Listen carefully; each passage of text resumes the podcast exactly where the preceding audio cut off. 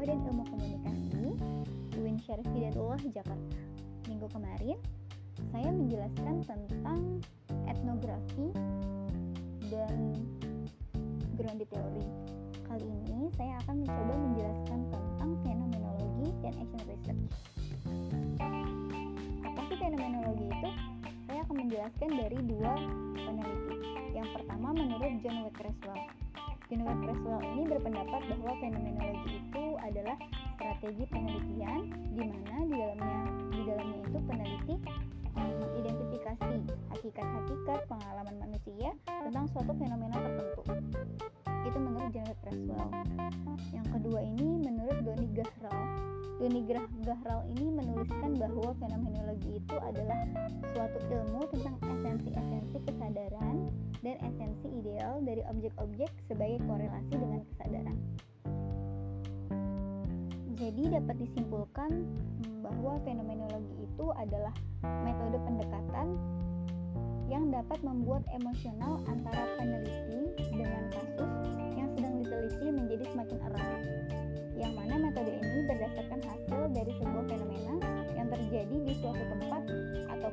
sesuatu yang terjadi pada seseorang.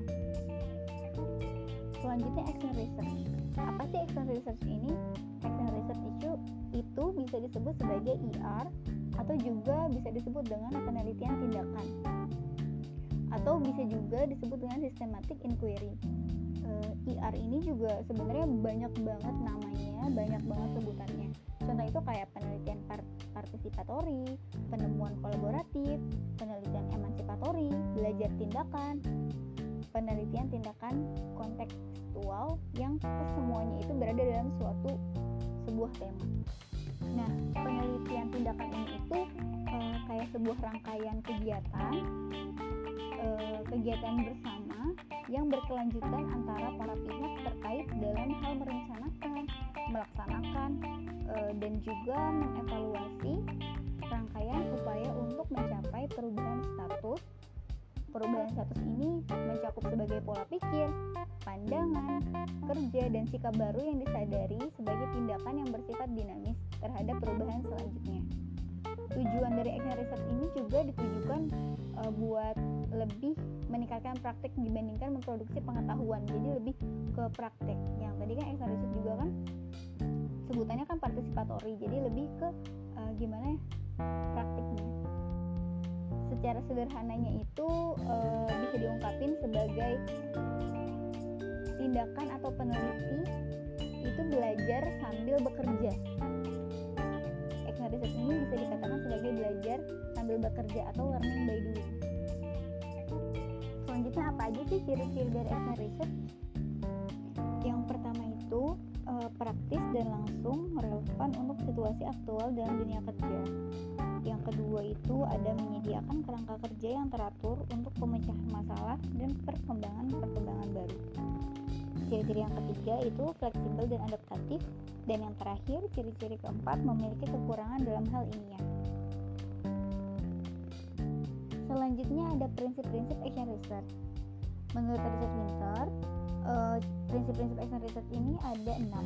Yang pertama itu ada kritis refleksi yang kedua ada kritis biologis, yang ketiga ada kolaborasi sumber daya, yang keempat ada risiko proses, yang kelima ada struktur yang plural, yang, dan yang terakhir ada teori, praktek, dan perubahan.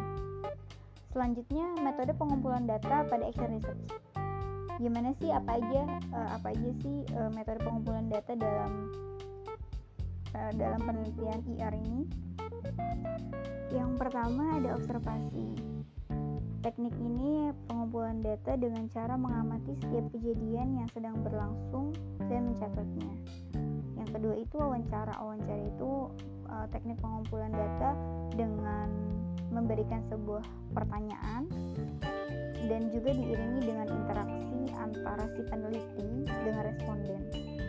Yang ketiga itu ada angket Teknik pengumpulan data angket ini memberikan pertanyaan secara tertulis tentang wawasan, pandangan, atau aspek kepribadian. Dan yang terakhir, yang keempat, itu ada tes. Teknik pengumpulan data ini itu memberikan pertanyaan kepada responden. tes ini tuh beda beda sama angket sama wawancara karena itu karena pertanyaan-pertanyaan e, dalam metode tes ini itu berisi kayak isian uraian e, uraian itu kayak pilihan benar atau salah pilihan menjodohkan pilihan ganda dan bersifat kuantitatif. Dan yang terakhir proses analisa data dalam action research apa aja sih prosesnya? Yang pertama itu ada permasalahan.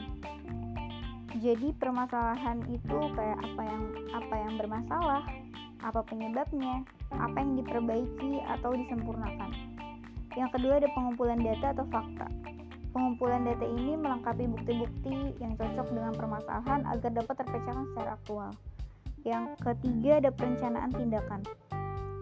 Di sini tuh peneliti merencanakan hal-hal uh, hal apa aja sih yang akan dibutuhkan sebelum kegiatan penelitian berlangsung. Terus yang keempat ada implementasi perencanaan atau tindakan dan observasi. Yang kelima, peneliti melakukan kegiatan penelitiannya. Dan yang terakhir adalah refleksi.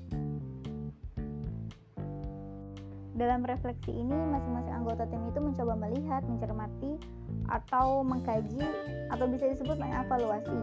Mengevaluasi tindakan penelitian yang udah dilakuin itu berdamp udah ada dampaknya atau belum. Apabila dirasa tindakan itu udah membawa dampak positif, atau membawa perbaikan yang yang berarti sudah menjawab permasalahan yang dirumuskan maka peneliti penelitian dihentikan. Ini berarti IR ini hanya memerlukan satu siklus atau monocycle. Namun apabila dirasakan tindakan itu belum membawa perbaikan seperti yang diharapkan, maka perlu dikaji lebih cermat untuk mencari penyebab kegagalan ini. Jadi uh, di refleksi ini lebih kayak mengevaluasi apakah uh, penelitian ini itu udah berjalan dengan baik atau belum, sudah sudah mendapatkan perubahan atau belum. Jika belum, maka akan dikaji apa penyebab yang belum terjadi. Sekian penjelasan kali ini, jelas tentang fenomenologi dan action research menurut saya. Kurang lebihnya saya mohon maaf yang sebesar-besarnya. Terima kasih. Assalamualaikum warahmatullahi wabarakatuh. thank you